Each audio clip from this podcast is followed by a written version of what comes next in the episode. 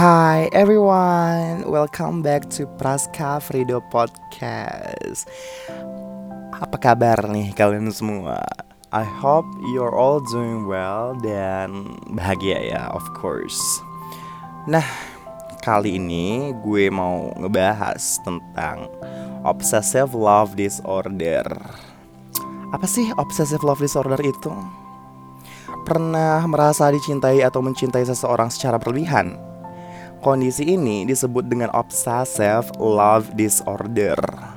Alih-alih menjalani hubungan yang sehat, orang dengan obsessive love disorder justru bisa bersikap terlalu protektif, menuntut dan mengekang pasangannya. Obsessive love disorder adalah suatu kondisi di mana seseorang menjadi terobsesi terhadap orang yang sangat dicintainya. Hal ini bisa terjadi pada orang yang sudah menjalin hubungan pernikahan maupun pacaran. Selain itu, OLD juga bisa dialami oleh orang yang tidak memiliki hubungan dengan orang yang dicintainya. Tapi yang merasa orang yang dicintainya tersebut juga mencintai dirinya. Kondisi ini terjadi pada gangguan kejiwaan yang disebut dengan erotomania. Tapi kita ngebahas tentang OLD dulu ya Lia. Nah, kenali dulu nih ciri-ciri obsessive love disorder OLDE tersebut. Rasa cinta yang berlebihan membuat seseorang dengan obsessive love disorder merasa perlu untuk menjaga dan melindungi orang yang dicintainya. Bahkan mereka mengendalikan orang yang dicintainya itu seolah-olah ia sudah sepenuhnya miliknya. Gejala, gejala obsessive love disorder mungkin saja tidak muncul pada awal hubungan, tapi dapat terus berkembang dan baru terlihat seiring berjalannya waktu. Gejala OLD pun bisa semakin terlihat ketika orang yang dicintai menolak cintanya. Berikut adalah beberapa tanda ciri-ciri yang menunjukkan bahwa seseorang mengalami OLD or Obsessive Love Disorder. Nah, yang pertama tersebut adalah berpikir dan bertindak posesif. Misalnya, selalu ingin mengetahui dan memantau kegiatan orang yang dicintainya.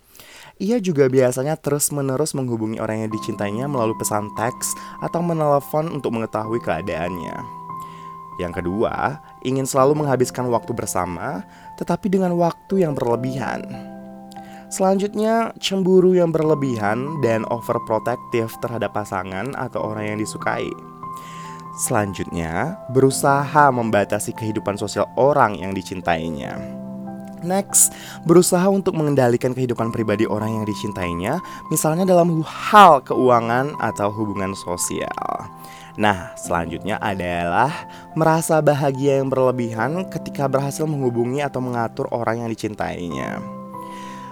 Nah, adapun penyebab obsessive love disorder tersebut adalah Sampai saat ini juga penyebabnya belum diketahui secara pasti. Namun, kondisi ini diduga berkaitan dengan beberapa gangguan mental seperti attachment disorder, yaitu gangguan mental yang membuat penderitanya merasa susah menjalani hubungan atau justru terlalu terikat secara emosional terhadap orang lain. Lalu ada borderline personality disorder BPD Selanjutnya adalah gangguan mental delusi yang menimbulkan rasa cemburu atau sindrom Othello. Selanjutnya adalah gangguan bipolar. Selanjutnya adalah obsessive compulsive disorder or OCD dan ada gangguan kepribadian paranoid. Nah, selain tersebut hal tersebut ada juga riwayat trauma psikologis misalnya pernah ditinggalkan oleh orang yang dicintai atau sakit hati karena pernah diselingkuh, diselingkuhi juga bisa membuat seseorang lebih beresiko mengalami OLD. Nah, kalau gitu cara mengatasi obsessive love disorder gimana?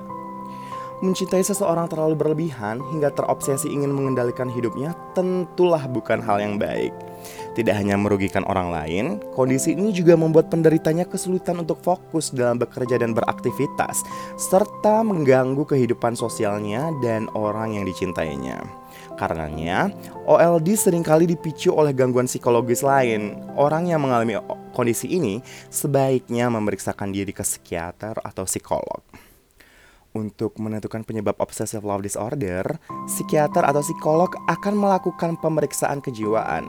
Setelah penyebabnya diketahui, baru dapat ditentukan jenis penanganan yang penanganan yang tepat. Di antaranya dengan memberikan obat-obatan dan juga psikoterapi seperti menjalani terapi uh, perilaku kognitif. Begitu.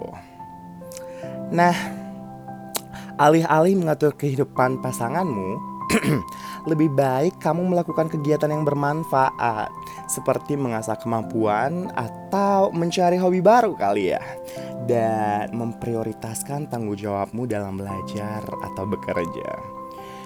Jika obsesi terhadap orang yang kamu cintai sudah mengganggu kehidupanmu dan dirinya, sebaiknya berkonsultasilah dengan psikolog atau psikiater sebelum kondisi ini justru menghancurkan hubunganmu dengannya.